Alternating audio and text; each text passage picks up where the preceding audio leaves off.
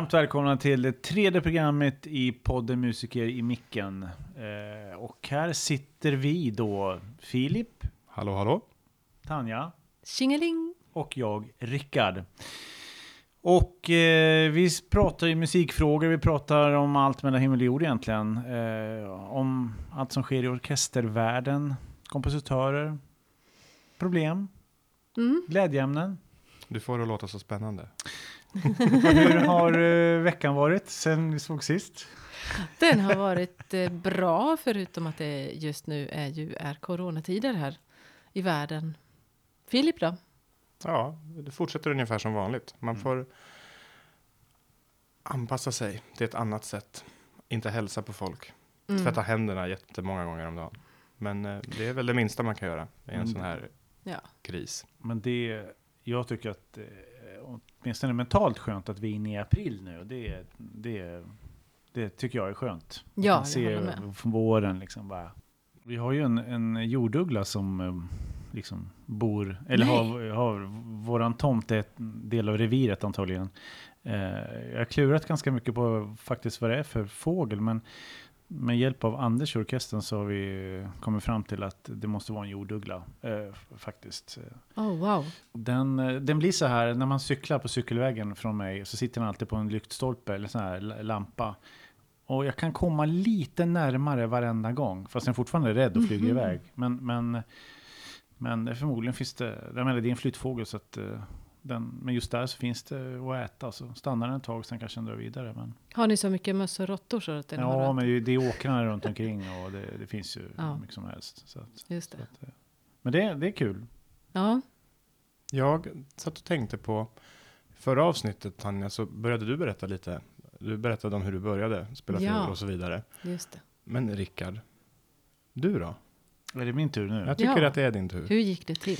Nej, men alltså jag, eh, jag har ju spelat fiol sedan jag var nio år, men jag visste nog knappt vad en fiol var. Jag, en, en släkting till, till oss hade spelade fiol på en julafton när jag var tre år och det var för nog första gången jag såg instrumentet. Men sen... Vart både- var det här någonstans? Vart är du uppvuxen? I Gävle. Gävle. Gävle. Ja. Men både min eh, far och min mor de spelade fiol som unga så att det fanns ju ändå en vetskap om vad det var för någonting. Så. Men jag kommer ihåg faktiskt precis som nu eh, när jag gick, till, gick iväg till min första fiollektion.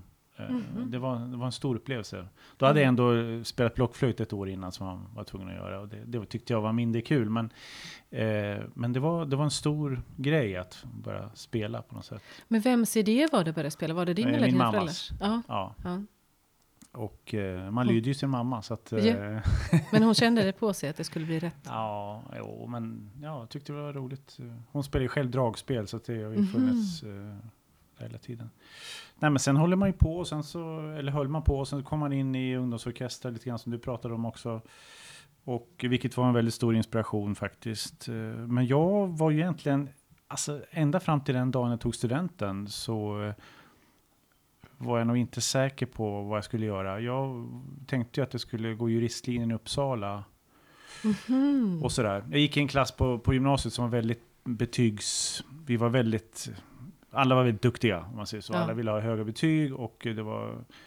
eh, Engelska kursen var klar vid den här tiden, i början på april, si- sista terminen. Vi hade ingenting att göra, för att alla hade gjort allting och sådär. Mm. Det, var, det var både bra och dåligt, men då blev det så i alla fall att jag eh, följde hjärtat. Och så kom jag in på en folkhögskola på Ingesund och sen så Mhm. musikhögskolan efter det.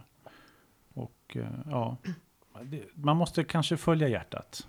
Det är bra att följa hjärnan också. Det måste man... Eh, Men fanns det någon speciell, minns du en speciell händelse eller tid där du började skifta?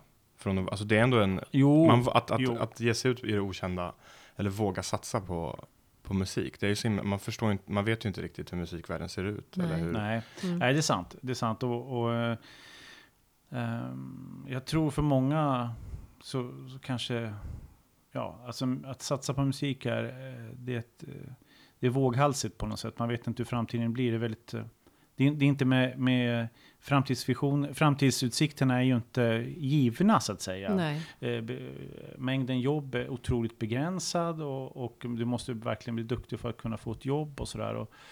Men, men ja, alltså jag hemifrån så blev jag uppmuntrad till att köra på det här. Så att, men det var kanske när jag faktiskt gick sista året på gymnasiet. Mm. För då, då, gjorde jag, då hade jag ett sätt jag körde på kvällarna, eh, sent på kvällarna. Jag gick kanske i regel och la mig alltid efter midnatt eh, sista året. Då gjorde jag läxor och övade som, ett, som varannan grej hela tiden tills jag gick och la Mhm. mig, hela kvällen. Liksom.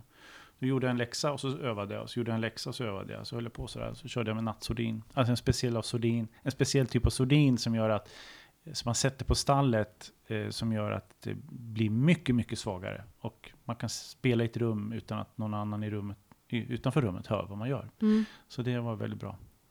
Okej. Men faktum är att från, jag hade, efter jag hade spelat fiol kanske ett år, så ville jag egentligen spela trumpet. Är det Såklart. sant? Och jag, och jag på något sätt så känner jag på mig att jag hade blivit en jätteduktig trumpetare. Jag måste säga, Nej, jag Filip bara- ser väldigt nöjd ut här just nu.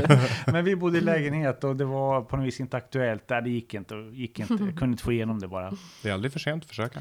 Nej, men jag tyckte att det verkade riktigt... Det är någonting vi Roligt. kan fundera på något avsnitt framöver. Att någon av er försöker lära mig spela fiol här. Och Ja, så får jag försöka lära er spela trumpet. men Filip, har du någonsin drömt om att spela fiol? Eller något annat instrument? Alltså jag skulle tycka det var kul att lära mig. Det har jag tänkt flera gånger. Mm. Men alltså fiol är ett instrument som man måste öva så himla mycket mer på. Konkurrensen är väldigt Måste stor. man? Ja, det tror jag. Eh, Trumpeten kanske begränsas lite av. Men varför blev det trumpet för din del då? Ja, alltså jag. Vi har ganska många i min familj som har spelat instrument. Min, Mhm. min mamma spelade både oboe och piano när hon var liten. Ehm, och hennes syster var pianist. Ehm, Okej. Så vi hade alltid ett piano hemma som jag eh, plinkade på och tyckte det var väldigt kul. Och sen när jag var väl typ, vad kan jag ha varit, fem, sex år. Så tyckte mamma att det var dags för mig att kanske börja ta lektioner. Så vi gick till kulturskolan, de hade öppet hus någon gång. Och grejen, jag har berättat den här historien några gånger. Men jag minns fortfarande att vi, hur det såg ut när vi gick upp för trappan i kulturskolan i Solna. För den, den låg i ett gammalt hus byggt i slutet av 18, tidigt 1900-tal. Som var en gammal skola. Så det Mm. var så här stora trappuppgångar, Trappor, ja. ekiga, ekig trappuppgång, högt i tak. Mm. Ehm, och em, ty, tydligen, ja, mamma frågade någon så här, ja men vi, vi skulle vilja, han skulle vilja spela piano, hur ser det ut? Och så var det någon, någon i personalen där som sa, ja men det, som det ser ut nu är det ett och ett halvt års kö på piano. Och då sa min mamma, okej, vad, vad är det för instrument som det inte är kö på? Så räknade de upp, ja men valthorn, flöjt, klarinett, oboe, cello, trumpet, eh, bas. Och min mamma sa bara, ja men vi kör på trumpet då. Ehm, Det, var ju också din mamma där som styrde in det lite Ja, men- grann. Ja, men ja, men jag, jag tror inte jag sa, någon, jag sa inte emot. Eh, Nej. och det, det blir ju intressant för att man kan ju prata lite om olika personligheter på olika instrument. Ja, Det finns den här Mm. boken, vad är det, In the Game of Music, oh, den har inte jag. som är en, en Känner inte jag till. eller om det är en annan bok, jag kanske blandar ihop böckerna. Men det finns en bok där man pratar lite om olika typer av personlighet på olika instrument. Och jag har tänkt många gånger, väljer instrumentet, väljer personligheten instrumentet? Eller formar instrumentet personligheten? Mm. För Just att trumpet var inget Mm. som jag hade planerat att Nej. spela på det sättet. Jag, jag spelar fortfarande piano på en kul amatörnivå. Men nu är jag så otroligt glad att det blev trumpet. För där höll jag på på kulturskolan och spelade. ehm, och sen någon gång eh, mellanstadiet så började jag på en, utanför, jag bodde i Solna utanför Stockholm, så började jag på en skola i stan som var en musikgrundskola. Mm. Ehm, och då blev det lite, alltså det, så, och då blev det mer seriöst. Men jag har, kan inte riktigt heller säga en punkt där jag kände att det här är en hobby och nu går det över till någonting som jag vill syssla med hela livet. Utan jag bara spelade och Var glad. tyckte det var kul och, och trivdes i att, ja, men jag vet, normalt när man gör ämnen i skolan så, så, så, så blir man klar. Nu ska vi lära oss eh, gångertabellen, nu ska vi lära oss eh, Mm. Andra grads ekvationer, nu ska vi lära oss hur man böjer verb Mm. eh, eller vad som helst. Och sen går man vidare till nästa, men i musik, att spela ett instrument så kändes det som att det fanns, det, det är som en oändlig väg. Mm. Desto, jag hade någon lärare senare i livet som sa, desto längre man kommer, desto längre inser man att man har kvar att gå. Mm. Mm. Och jag tror jag bara så här, det passade, min, det passade min personlighet. När jag var liten så övade jag ganska mycket faktiskt. För att jag brukar sätta klockan på 10 minuter och öva trumpet i 10 minuter och sen klockan på 10 minuter och öva piano. Mm. För min mamma hade sagt till mig, bara om du övar en liten stund varje dag så kanske du, så visar hon med fingret en centimeter. Så kommer du så här mycket på en dag. Så visar hon lite längre, så här mycket på en vecka. Och det kanske inte är så mycket, men på ett år så kommer det jättemycket. Mm. Och jag tror att Vi är lockade. Nej, men jag tror att spela ett instrument är väldigt, även om man inte vill satsa på det, så är det bra för barn, eller vi- vilken ålder som helst att spela, för att, för att inse vad, vad lite, lite fokus en kort stund om dagen ger. Ja. Man behöver inte, det vet vi, om man ska sitta och ha något svårt, något svårt tenta när man går på en högskola och sitter och pluggar i flera dagar, flera nätter. Det kommer alltid en punkt efter en stund när, man, när ingenting går in. Hjärnan kan inte Mm. Hantera hur mycket av, samma sak Mm. på en gång. Mm. Och trumpet alltså, sliter ju på läpparna lite. Man kan inte spela i så långa sjok. Så det, det, Mm. det finns, jag vet inte, det, är- det, är, inte- det är Mm. trevligt att Mm. hålla på med. Mm. Men det är intressant det där hur det med instrument och personligheter. Eh, eh, intressant frågeställning för att eh, man kan ju lätt tänka sig att eh, man blir formad av det instrument som man har eh, till, till karaktären. Men det Mm. måste naturligtvis också vara något man inbillar sig. Det, jag menar, Ja, antagligen. det kan Ja. inte... Det, det kan ju inte vara så att instrumentet... Det är, ju, det är ju en del av ens liv. Det är ju inte ens liv om du förstår vad jag menar. Det finns Mm, andra det. saker. Mm. Men det, det är just under de där unga åren som instrumenten eh, sätter en större prägel på vem man... När, identiteten börjar formas, att eh, Filip, trumpetaren, eh, Rickard, violinisten och Tanja, violinisten. de- Den, det är där någonstans, när folk börjar tänka på er som förknippar er med de instrumenten In- ni har. Och då, ja. Identifiera sig med ja, liksom, på något sätt. den rollen också Ja. på något sätt i en orkester kanske. Att, eh, Men vet du vad jag kommer att tänka på då?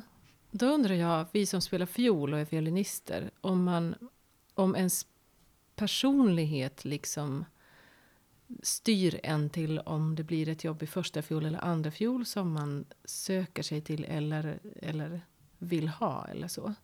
Vad tror du om det? Jag tror inte det. Inte Det kanske man- bara är en slump och så, och så lär man sig rollen. Liksom. Det är ju det är två lite olika jobb kanske.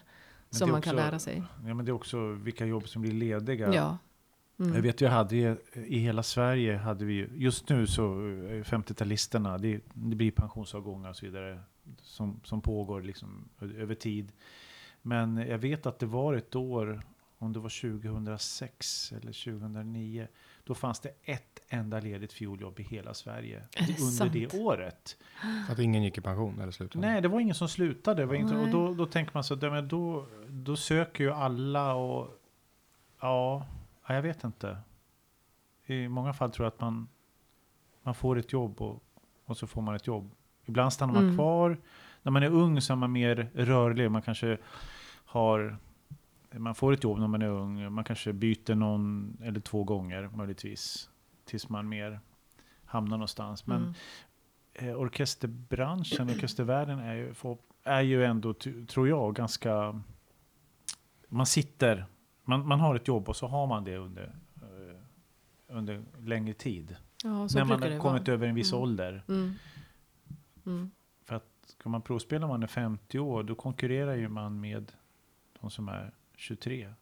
Och ofta inte har något annat än tid att öva. Och Nej, vi kanske precis. inte har. Ofta har man ju liksom familj och ägnar sin tid åt lite annat också. Det kan vara värt att, att, förklara det här med provspelning också. Ja, Mm. just det. Alltså, för att få ett jobb i en orkester i... Visst ser det väl ganska likadant ut i hela västvärlden? I alla symfoniorkestrar. Ja, över hela världen. Ja, Alltså, precis. Om man söker Ja. till en Ja, just det. orkester. Just det. Så, Precis. Ja, sen Ja, 70-80-talet har man ju använt sig av Ja. skärm, skärmar. Det var ju först Ja. och främst tror jag ett sätt att, så att, Hur då menar du? Skärmar? ja just det, ja. Man söker, okej Tanja, jag vill inte fortsätt, berätta hur det är, så får jag flika in om en liten stund istället. Jo, för att få ett jobb så måste man eh, vinna en provspelning. Och det kan vara allt från kanske 10 personer till eh, 110 personer på de här provspelningarna. Lite beroende på vad det är för instrument, vad det är för orkester, vad det är för ställning, om det är ett ledarposition eller om det är... Och hur mycket som har gallrats av pappersansökningar Ja, som dök upp i det. första hand. Precis. Det är inte säkert att alla som söker eh, att få komma till provspelningen faktiskt får dyka upp för att det kan finnas tidsbrist eller att man går på CV etc. etc. Ja, just det. Men en provspelning brukar vara indelad i tre omgångar. Liksom tre rundor. Eh, och de två första omgångarna de spelas bakom en skärm. Som bakom en, en eh, vad ska man säga, en eh, skiljevägg liksom. Så en sån en, som, Ja, en lös vägg. En En, lös duk vägg, ja. eller någonting. Ja, som man inte kan se men som ljudet.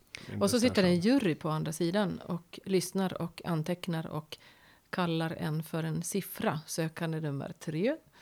Och, och, men, men de får liksom inte veta vem det är som spelar och, eh, och det är ju det är väldigt bra ur många synvinklar, bland annat jämställdhet. Mm. Så för då, så då blir det inte så att man värderar kvinnor och män olika. Utan, utan det blir, det blir liksom bara det som, som hur, hur man spelar just den dagen som avgör. Alltså tanken var väl från början att man bo- dels att personer som satt i juryn inte kunde eh, låta människor som de ville ha Mm. så att det blev Mm. gå vidare av personliga preferenser och framförallt könsfördelning. Och det Mm. de märkte ganska snabbt tror jag när de började med skärmar var att det blev mycket bättre på den planen. Det var, Är det sant? Ja, Det tidigare så var ju orkestrar mer, mer män. Vissa orkestrar som typ den anrika Wien-filharmonin eh, hade ju inga kvinnor fram Nej. till 80-talet. Alltså, sen Nej. hade de ganska, vad ska man säga, bruna ideologiska strömningar i sin orkester Mm. under hela andra världskriget och så vidare. Ja. De hade ju till exempel, jag tror det var någon gång på 80-talet, 90-talet, där kvinnor fick äntligen vara med och spela. Och då måste man ju först vinna en plats. För att få en plats i den orkestern måste man först bli en medlem av Stadsoperan i Wien. Aha. Och harp, harpister hade de ju väldigt svårt att hitta män. För att traditionellt sett har det, off, och fortfarande är det främst kvinnor som spelar harpa. Mm. Mm. Så att de hade konserter, alltså långt in i modern tid, när harpisten satt bakom en skärm. Så att publiken inte skulle se att det var en kvinna som spelade. Är det sant? Men det är, alltså det är Jag trodde att det där var en skröna. Nej, nej, nej, nej. Det finns en bild, man kan googla på Ja, internet. hjälp. Mm. Tänk. Nej, men det är ju väldigt bra eh, det- ur det perspektivet att man inte ser vem det är. Mm. Eh, Men då, då spelar eh, alla spelar då första omgången sina stycken. Och sen gallrar man. eh, gallrar man. Och juryn består då av folk från orkestern så att säga. Representanter från olika stämmor och sånt där. Och sen så går man ju vidare då till den andra omgången. Och vad händer där Tanja? Andra omgången eh, är ganska lik första omgången. Då, då spelar man också... I, när man spelar fiol så spelar man eh, ur någon stor romantisk violinkonsert. Och så spelar man orkesterutdrag, precis som i första omgången oftast. Så korta små delar ur låtar som man spelar. Repertoaren. Ja. Uh, Och utan, utan orkester, utan dirigent. Man spelar den bara helt själv. Mm. Och så har man fått noter med där de har ritat lite pilar vart man ska börja och vart man ska sluta. Ja, små, små svåra snuttar ur orkesterrepertoaren brukar det vara. Jag har en fråga till er. Nu, har- Mm. nu, kan, nu har inte ni provspelat på, på lite, ett lite längre tag än Mm. mig eftersom jag, inte, eftersom jag har jobbat här lite kortare än er. Men om man har en provspelning och det kommer ett utdrag och så är det en lite längre paus i mitten av utdraget, typ åtta takter, och så det blir så här en, två. Räknar man dem? Eller bara strunt, struntar Du menar man om man det? sitter i juryn eller om man söker? Om man söker? det brukar- Jag har aldrig varit med om det Nej, faktiskt. brukar det, har, vara det så har varit överstuket. Ja, Okej, liksom. alltså då Ja. spelar det ingen roll. Mm. Och så Nej. kan man göra, eh, och så, man kanske tar en liten, några sekunders paus och så börjar man från Mm. nya. För många trumpetutdrag är ju så här att man spelar något kort och sen är det fyra, fem, sex takters paus och sen spelar man igen och sen är det Jaha. åtta takters paus. Och jag, jag tror att eh, då tänker man alltid på att okej, nu måste man hålla tempot här för de sitter säkert och räknar bakom skärmen. Mm. Ja, men jag har suttit i jury några gånger vid det här laget också. Och eh, jag skulle inte låta det spela någon som helst roll. Alltså om det är en För att det taktspaus. har inget... Om det är en taktspaus. Ja, och om det är en taktspaus, då, då skulle jag faktiskt kolla om personen kan hålla pulsen. Ja, exakt. Men åtta takter, då vill man liksom, man vill att personen ska hoppa till de där, Ja, förbi de där åtta om inte precis. annat. Det, man orkar inte själv sitta och vänta. 30 Det blir- sekunder i tystnad. Ja, och så är det många som ska, många som ska spela och det är Mm. bättre att hoppa. Så. Ja. Ja. Ja, så kommer vi till tredje omgången och då är det bara några få kvar. Alltså Ja. det här med omgång, alltså Ja. även om system, värt att nämna, systemet, Mm. förfarandet, skärm, flera rundor ser ungefär likadant ut. Gallringsprocessen kan vara annorlunda. Men i vissa, vissa ställen kanske de tar bort skärmen efter första, andra tar de bort skärmen Ja. efter tredje. Och, så att så, det Mm. finns ju såklart lite variation Mm. här.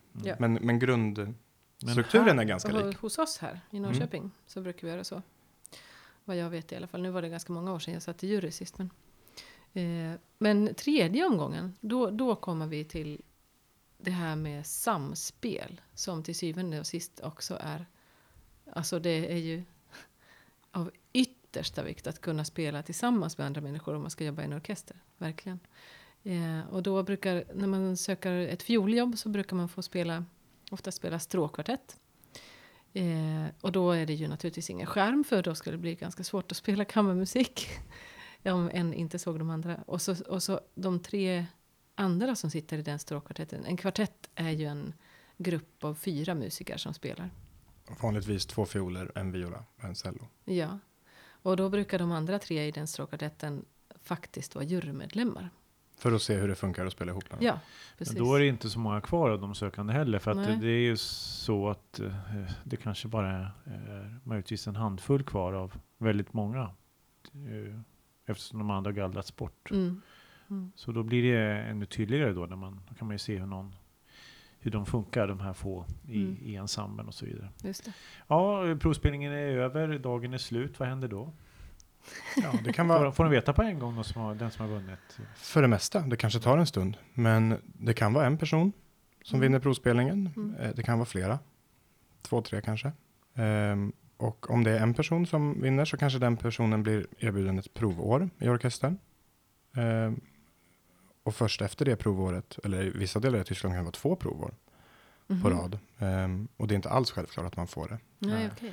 Det- det då, får man ett, då får man sitta ett år på prov. Men, men det är inte heller ovanligt, även om man är själv som vinner, men speciellt om det är flera, att man får provveckor. Så att, det, det, att man, man får komma till orkestern en vecka här, en vecka där, Mm. de, de som är kvar. Och sen får juryn återigen välja, vem av de här ska vi ge ett halvår eller ett provår? Så det är en lång process. Mm. Först, först, an, först kommer det upp ett jobb, man hittar det på någon kanal. Ehm, man skickar in sina papper, sen väntar man på besked och så då kommer noterna ut en månad innan kanske. Sen övar man jättemycket på allt som behövs. I Och- flera månader? Ja, ofta? ibland flera Mm. månader. Ja. Sen får man flyga eller ta sig till stället man ska provspela. Man är en av 20 eller 100 ne- som nervöst går in genom dörren. Mm. Och så hittar man ett övningsrum någonstans och så hör man folk spela över hela huset. Mm. Och sen väntar man på att ens nummer blir uppropat. Och så går man in på scenen. Man kan inte se någon av människorna i ögonen som lyssnar. Nej. Och sen gallrar man runda efter runda. Och sen provveckor och provar. Det är en, det är en väl, jämfört med andra jobb så är det en väldigt lång och stressig process. Ja. Ja, men jag tänker också, eh, du sa det med att flyga och, och sådär, att, att ta sig hit, ta, eller ta sig till den, dit man ska vara. Att det är så stora kostnader också det här eh, inbegripet i själva att, att söka ett jobb om du bor i ett Ja. annat land. Mm. Eh, Som ett exempel bara när vi hade harpprovspelning då för flera år sedan nu. Mm. Eh, då var det ju, kom det ju folk från, från hela världen. De flyger från Japan och Sydamerika och Ja. Alltså Ja. det, det, det är svårt att förstå att eh, Mm. det är så få jobb i, i exempelvis i harpbranschen då, harpjobb. Så att då Folk är man- verkligen villiga att flytta Ja. till andra sidan jorden Ja. för att ha, ha ett yrke ja. som de, att, vara, att spela i en orkester. Det, är, Mm. det är fantastiskt på ett sätt. Mm, Jag verkligen. menar, det, det är sällan en, en, en, vilket annat jobb som helst där man där man eh, tar alla pengar man har och så åker man och söker ett ingenjörsjobb eh, i Australien som man kanske lika gärna kunde ha fått, här. Men då kanske man också kan Mm. göra en intervju över, över telefon eller Ja. via... Eller Skype eller ja. Ja, Ja, precis. men- Men sen också, Mm. det, jag, jag har gjort ett, vad kan det vara, tiotal provspelningar i livet och, och några av dem har ju gått bra Mm. och några av dem har gått mindre bra. Mm. Och det här att man, provspelningen, om det är väldigt många som söker så kanske provspelningen är två dagar. Just och det. det, man vet ju Ja. aldrig, man vet ju aldrig om man går vidare till tredje, fjärde eller vad det kan vara rundan den andra Mm. dagen. Mm. Men man måste ändå boka resor och köpa hotell. Mm. Eh, och det har ju varit någon gång när man, man har fått spela, oj nu öppnas våra solskydd här på fönstren, jag hoppas det inte hörs in i mikrofonerna. Ehm, det har ju varit någon gång när man, man har kommit dit, förberett sig i månader, får spela sex minuter i första rundan och sen åker man ut. Mm. Och så är man kvar i ett, något, något främmande land i, två, i en dag till. Vilket, men, vilket kan vara trevligt i sig, men, men det, det är en, det är en kanske- väldigt stor inte- uppoffring. Ja. Ja, och Ja. sen, sen går, går man runt där och så hänger man med några andra som har eh, inte gått vidare. Och i brassvärlden då betyder det att man går och dricker öl väldigt tidigt. Jag vet inte om det är så i stråkbranschen också. Nej, vi stråk, vi dricker bara viner med lunch. Nej då. Det, det, det är väl någon slags stereotyp bild kanske som man Ni kan ha. äter sniglar kanske? Ja, Mm. Men kontentan är ju som du just sammanfattade att det är en väldigt lång process. Och eh, det, är ju, det, det skiljer ju det, det här jobbet från, väl, från alla andra jobb ska jag säga på det sättet. Mm.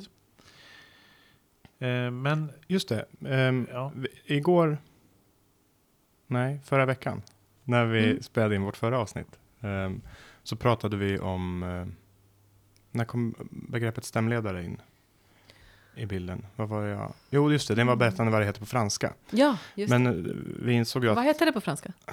chef d'attaque, Det är så roligt. chef över attacken, Mm. vad är en stämledare?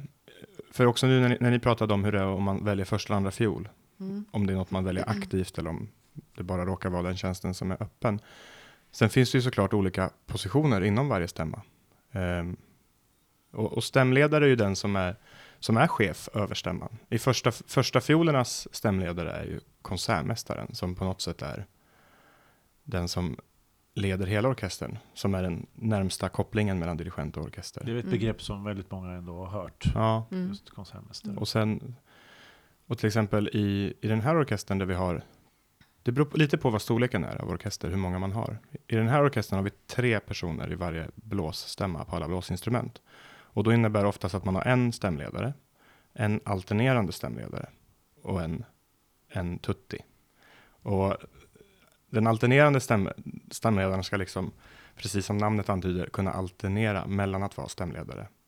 Man kan dela upp programmen om någon blir sjuk, medan, och, eller att inte spela. Och stämledare här alltså först, spela första stämman. För i, en trump, i blåstämmor har vi individ- individuella stämmor. Mm. Första fiolerna sitter ju för det mesta och spelar samma sak. Men Mm. stämledare är väl ändå den som leder det, den instrumentgruppen Ja. på något sätt.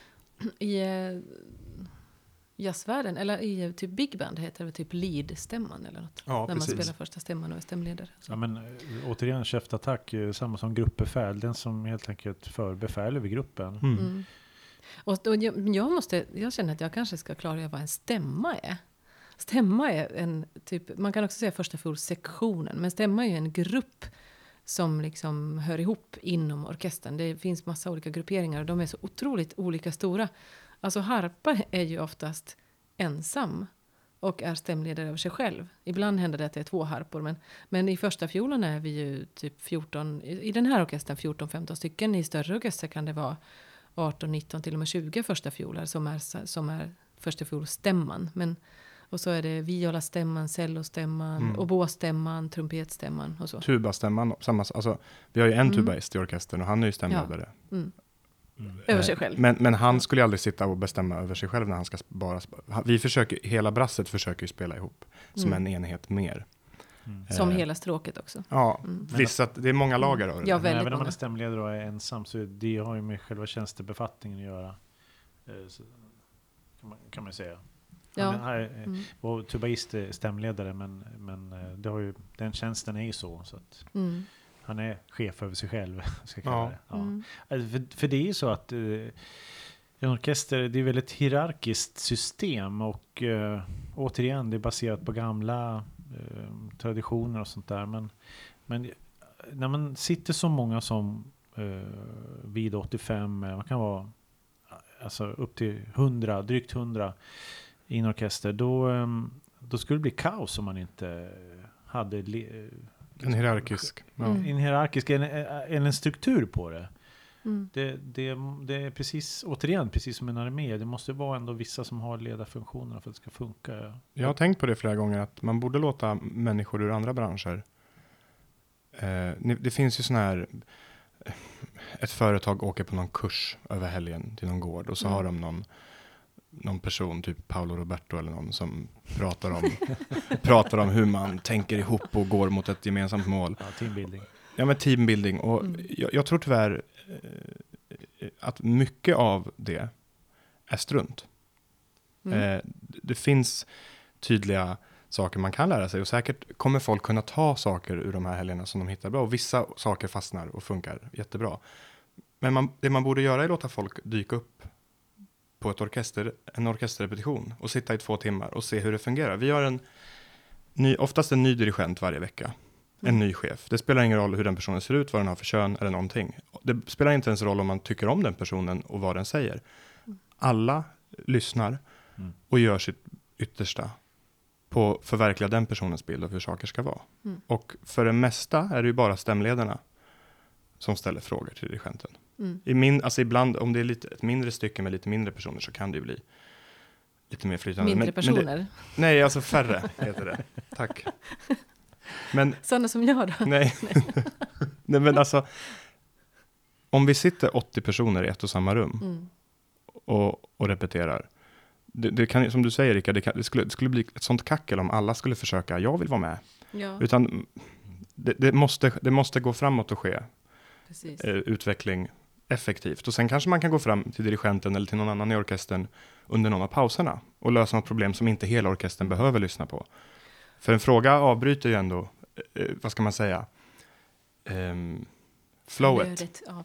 Ja, flowet i Mm. en repetition. Ibland, det finns ju vissa dirigenter som, som kommer på må- måndagsmorgonen och bara börjar, säger ingenting och Ja. börjar, börjar med, säger ja, symfonin, nu Beethoven Mm. eller någonting. Och spela bara. Och så spelar man i, i Ja. 40, 30 minuter utan att säga ett ord. Ja. Och sen börjar man säga lite småsaker och Mm. den psykologiska aspekten bakom det här är ju väldigt Mm. intressant. Men, men det är ju en, en sak till som också har att göra med att, att det inte liksom finns utrymme för en demokrati. Att vem som helst av de här 80 får liksom, eh, säga vad man tycker, hur man tycker att man ska tolka Beethoven till exempel. Eh, och det är ju tidsaspekten. Vi har ju en ny produktion i princip varje vecka. Ja, en och en Eh, halv ibland- till två timmar musik varje vecka. Ja, och ibland så har vi två produktioner samma vecka. En som vi spelar, börjar med på måndag och har konsert på torsdag. Och så en annan, kanske en familjekonsert eller någonting som vi bara repeterar fredag och så har konsert på lördag. Så att det, finns, det måste vara tidseffektivt. Och det här är ett väldigt tidseffektivt sätt att jobba. Ja, men faktum är att eh, det, det är precis som du säger, att tiden är det paraply under vilka vi alla, eh, eller vi är slavar under tiden. Det skulle inte gå. Och en dirigent som kommer hit och där alla ska eh, säga vad den tycker, vad ska, vad, vad ska den här att göra så att säga? Mm. Den, den är Mm. här för att ge sin, sitt avtryck på något sätt. Och det finns ju ingen tid för det utan Mm. Eh, och eh, jag skulle också säga att orkestermusiker generellt sett är lite grann tidspoliser. Man, eh, man Rickard en- är för övrigt orkesterns tidspolis, men dirigent repeterar lite över tiden in, när det blir paus. Men Då reser han på sig och säger “Excuse me maestro, um, it's a break now, you know”. Ja, maybe we can take a cup of coffee now. We worked very hard sir. om det är en sir eller om det är en lady. Men, eh, men, förklara varför det är tidspolisen. Inte Nej, bara för att du vill. Nej, och har men alltså, lust. börjar vi klockan, börjar vi exempelvis eh, en repetition en, en viss tid, då, då måste alla vara där eftersom eh, om det fattas folk kan man inte börja spela, utan alla måste vara på plats när klockan är slagen, om man säger. Ja, men du är ju också vald till att, att vara den som, ja, jag är vald till att vara den som säger till när klockan är slagen. För Ordningsperson helt enkelt. Ordningspersoner. Ja. För det är ju Ja. så faktiskt, det ska man ju tillägga, att det finns ju, det finns ju dirigenter som eh, inte alls bryr sig om klockan. Mm. Utan kör bara. Eller Som är säg, inne i sin konstnärliga... Mm. ja, eller säger så här, Känsla. eh, ja då är det dags för paus, säger jag kanske. Och då så säger personen, kan vi inte köra fem minuter till? Ja, exakt. Vad, vad tänker du? Jag skulle nog vilja göra färdigt den här grejen. Okej, gör färdigt så tar vi pausen. Eh, Mm. det, det kan vara motiverat, men ibland ah, Medan en del är väldigt noggranna. De tar paus nästa, nästan innan pausen är, Mm. är Vissa dirigenter tittar på klockan medan de dirigerar och så slår de av när klockan slår över. Och Ja, det, det, ja. Då tycker jag det har gått för långt åt andra hållet. Men jag får väl skylla på dig Rickard som har skrämt dem. Men, Det är så väldigt skrämmande. Nej, det är han inte. Men nej, men alltså just eh, dirigenter, det, det är ju, det är ju, bara det är ju ett eh, program i sig för att en, en person kommer hit, som du sa, det kommer en ny musikalisk eh, chef, citationstecken, Mm. varje vecka som Ja. ska ge sitt avtryck. Och, och eh, man kan inte sitta och tjafsa mot allt för mycket. Det är väldigt speciellt hur man, eh, hur man eh, tar det där. Vissa dirigenter är ju, gillar man ju mer än andra. Tyvärr är det ju så. ja. Och vissa kan vara extremt otrevliga. Men ibland, man får bara Fast de acceptera blir det. färre och färre tycker jag. Ja, faktiskt. det är en generationsfråga tror jag. Ja. Mm. Det här är verkligen ett ämne som jag tycker vi bör prata om mer. Ja. Dirigenter. Mm. Jag tror kanske vi kommer att komma in på det eh, ganska snart igen. Ja. Det tror jag absolut. Och det där, mina damer och herrar, var ju faktiskt ljudet av en, vad heter det? Kastanjetter. Kastanjetter, ja. eh, som Carmen spelade på. Och det betyder att vi har kommit till en helt ny progra programpunkt som vi tror kommer dyka upp ofta, nämligen Rickard ryter till. Rickard, vad ryter du till om idag? Alltså när man säger ryter till, det är, jag är inte arg på, på det, men jag har bara funderat lite grann. I år så är det ju eh, Beethoven-år som man säger. Det är 250 år sedan Beethoven gick bort eh, i december och eh, det nu till följd av corona så har det ställts in många konserter och allting sånt där. Men det är ändå planerat under året att vara väldigt mycket Beethoven, mer än någonsin. Ja. Och även vi ska ju göra alla Mm. Beethoven-symfonier under ett par säsonger och sånt där. Och jag bara tänker, eh, alltså det är ju väldigt trevligt att lyssna till Beethoven, men eh, alltså han spelas ju jämt i alla fall. Mm. Alltså, det är väl ja, den jag- mest spelade Ja. tonsättaren i orkestrar världen över, överlägset. Mhm. Ja, det är inte det att det på något vis är panik. Oj, Beethoven, det är 250 år sedan Beethoven dog. Nu måste vi verkligen spela de här jätteovanliga symfonierna som vi aldrig någonsin hör. Så är det ju inte. Det, det, det jag kan tycka kan vara bra som kommer ut ur det här jubileet är att man får höra eh, mindre kända verk av Beethoven. Eh, Framförallt inom kammarmusiken, kanske eh, av stråkkvartetterna, vissa i olika sammanhang som man inte i vanliga fall eh, hör lika ofta, eller de spelas lika ofta. Men orkestermusiken alltså görs ju ändå hela tiden Mm. och därför så, jag bara, ja, jag vet inte. Vad tycker Mm. du Tanja? Ja, men jag, kan nog, jag kan nog lite grann hålla med. Samtidigt så kan jag tycka att det är intressant med, med cykler. Att man liksom har möjlighet att... Om man har möjlighet att... Fast i så fall skulle jag tycka att det var mest intressant att, att inte, så här, eh, en, inte en Beethoven-symfoni om dagen, men kanske med lite längre mellanrum. Att man skulle kunna få dem i, i följd, alltså i sifferföljd, så man liksom hör hans utveckling. Det skulle jag kunna tycka var lite intressant. Men eh, ja, Men det kan man ju egentligen bara göra om du har dem ganska så efter Tätt varandra. ihop ja. En, en, ja, men Det är om svårt du om det är en i månaden Ja, och kö- höra utvecklingen kanske. men om Nej, du jag har vet under en veckas tid eller så, att det är mer komprimerat. nej men en, en i veckan eller en varannan vecka eller något sånt För, för att jag kan tycka, jag, jag menar jag, jag älskar Beethoven, inte- det är inte det, det är, inte- det är inte den grejen, utan eh, jag, eh, det som kan motivera att man gör alla Beethoven-symfonier, det är väl att man får olika tolkningar från eh, olika dirigenter, olika sätt, eller kanske någon, en ny inblick i, i en viss symfoni, ett, an, ett, eh, nytt grepp. eh, Mm. nå- någon, det, det kan jag tycka är intressant. Men om ni förstår vad jag menar, alltså att spela Beethoven för Beethovens egen skull, han skulle bara fnysa åt själva grejen, tror jag. Mm. Utan det är det om man gör någonting bra av det, då är det motiverat. Mm. Inte bara per, av slentrian. Mm. Men vi, vi pra- jag, jag pratade ju lite i förra avsnittet om att jag inte riktigt köper konserter med bara en tonsättare.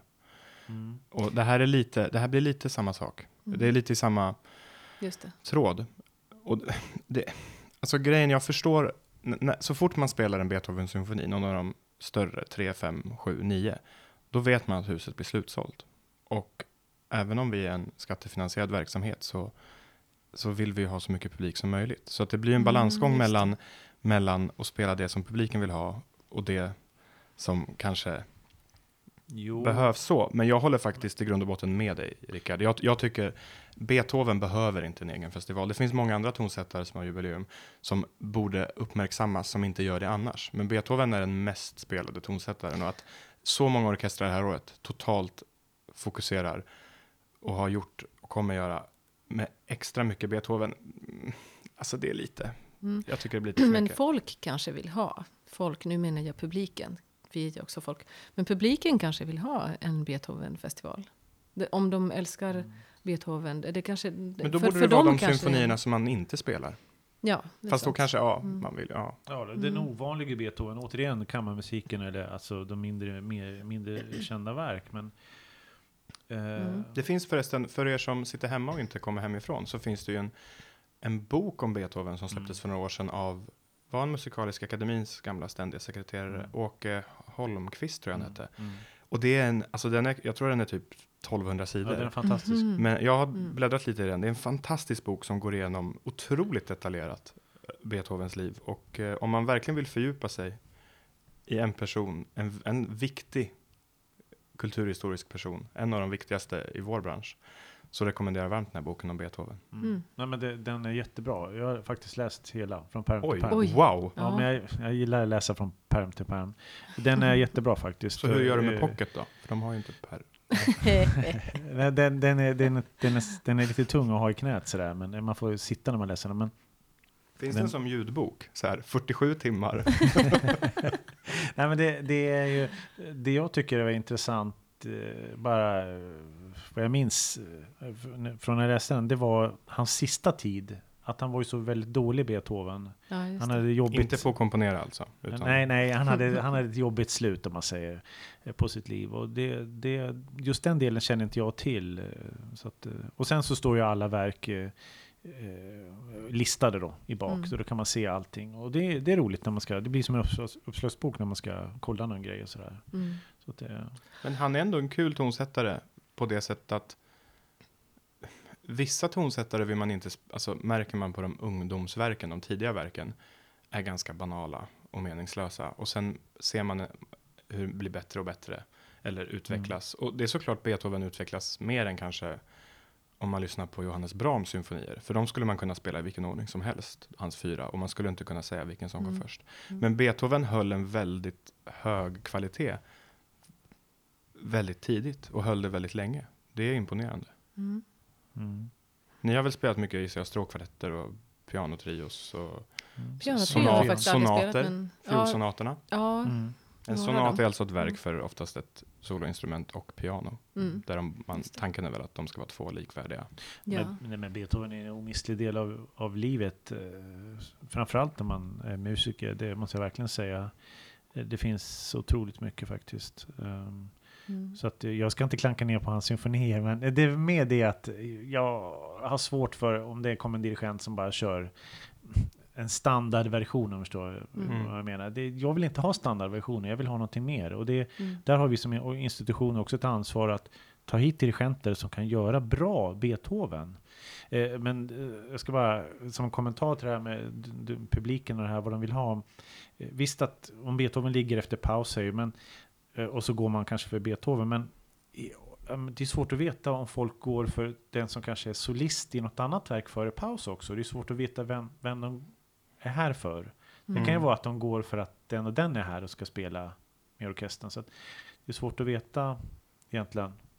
Jo, men Då måste vi man ju intervjua publiken. spelar vi en Beethovens femma, da, da, da, da, Jo, jo. då kommer det mycket folk. Och Ja, apropå det att olika, att, som du sa, att dirigenter, man vill inte ha den som kommer och gör en tråkig standard. Minns ni, var det typ för två år sedan, vi hade en italiensk tjej som kom och dirigera, Mm. Valentina Pelleggi, Mm. som gjorde Beethovens femma, och jag tycker det var så otroligt bra.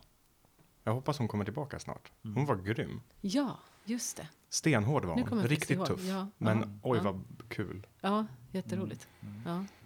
Ja. Bra eh, Ja. Rickard ryter till. Ja. Mm. Jag har inte läst den här tjocka boken. Mm. Men Tills däremot, nästa avsnitt. jag ska göra en egen podd med hela den boken. Nej, men, eh, men Rickard, du pratade Ja. om Beethovens sista tid. Ja. Eh, jag eh, såg eh, pjäsen Dövheten på Dramaten som handlade om just Beethovens sista tid. Mm. Det var fantastiskt. Både fantastiskt rolig och, och tänkvärd och väldigt intressant. För att allt i den pjäsen var liksom verklighetsbaserat så vitt man känner till Beethovens historia. Jag råkar veta det för att eh, en, eh, att, ja, det var en eh, live st- stråkkvartett som spelade till. Vilket jag tyckte också var väldigt roligt. Eh, Och på första fiol så var det Tale Olsson, en av konsertmästarna från Kungliga Operan. Och hon Mhm. är ju gift med Andrew Manzi som är en otrolig Beethoven-kännare.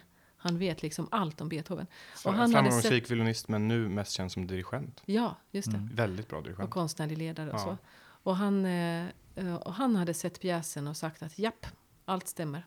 Allt stämmer. Kul. Det var så otroligt roligt. Det var jättebra, rolig teaterupplevelse. Ja, och det där ljudet vet ni alla betyder att det är dags för Philips funderingar. Och eftersom vi pratar om Beethoven så har jag en väldigt oseriös fundering som jag tycker är värd att komma fram med. Tack, för jag är så seriös annars. Nej. Mm. Men Beethoven skrev nio symfonier. Ehm, väldigt många andra tonsättare efter honom kände sig pressade att skriva mer än nio för att det var liksom det han hade gjort. Det gick inte att förbättra symfonitraditionen. Och jag, varför? Hur kommer det sig att det blev just nio? Jag tror jag har svaret. Oj, låt höra. Beethovens lärare, Albrechtsberger, eller vad han hette, eh, en väldigt framgångsrik musiker och kompositör under den tiden. Han skrev nämligen nio konserter. Det här blir också ett quiz för er. Han skrev nio konserter, just nio. Och det här är anledningen till att Beethoven, lite skämtsamt tänker jag, skrev nio. För han skrev för ett väldigt konstigt instrument, nio solokonserter. Kan ni gissa vilket? Ehm, Extremt konstigt. tramporgel. Nej, men det, nej. Påminner lite om den här flexatonen. Nej men hjälp oss. Om, jag gör, Säg om, det. om, jag, om, jag tänk, om ni tänker att ni har någonting med munnen. Mungiga? Mungiga. Nej. Jews harp. Skojar Jättekonstigt namn att det heter Vad, sa- vad heter det? Jews harp. Va, alltså som judis... Judens harpa. Jaha. Jätte, jätte, jättedåligt namn. Ja, ja. Och ni, ni måste faktiskt söka på dem på internet. Vad heter kompositören Albrechtsberger. Albrecht CHT Sberger. Ja. Försök att lyssna på någon av konserterna för Okej. Menuga, för det är jättekonstigt. Man hör en orkester som bara rum, rum, rum och så bara... Men eh, något sånt. Oj. Det är har min fundering. Beethoven, Beethoven har inte skrivit någonting för mungiga vad jag vet. jag menar han hade kunnat inspireras av sin lärare tänker jag. Det är väldigt Ja. få som känner till att den femte symfonin egentligen var skriven för 20 mungigor. Down, down, down, down. Det blir som en westernfilm. Just det, Ja. precis. Ja, detta om detta. Detta om Beethoven kanske, men ehm, Ja. det, det är ju en, det är en figur som eh, vi bär med oss hela tiden. Och nu är det ändå i år 250 år sedan han eh, föddes. Så det är ju, Lilla det är Ludde. ja, det är ju absolut värt att uppmärksamma. Ja. Eh, Vi får se om det blir någon tårta då. Det är ju december han skulle ha fyllt. Så att, Vilket datum? eh, 16, 17 där någonstans. Du är verkligen expert på Nej. datum när det kommer till Eh, Jag tonsättare. tror att man inte är hundra på exakt att det är den 16. Det kan vara Okej. 17 eller 18 också. Men, eh, Ja. men jag tror att man brukar säga 16 där. När Ja. föddes Schubert? Alltså, Frans? eh, på dagen? Nej, år. Eh, 1792 va? När dog han? 1827. Nej men M- gud. Mendelssohn. Ja, men pressa mig inte här nu. Nej, men det är så kul. Han brukar, så fort man säger en tonsättare så... Jag kan inte Nej, några sådana Mozart årtal. fem, 1756 till 92. Det är typ det enda. 91. Nytt. Ja, Ja. ja Ah, nej men ehm, vad bra. Nu har vi fått lite Beethoven till, ja. till livs. Är det dags Just att det. runda av lite kanske? Mm. Ja, det kanske är det. Mm. Ja, men då säger vi tack så mycket för denna gång. Ja. Eh, på vi. återhörande.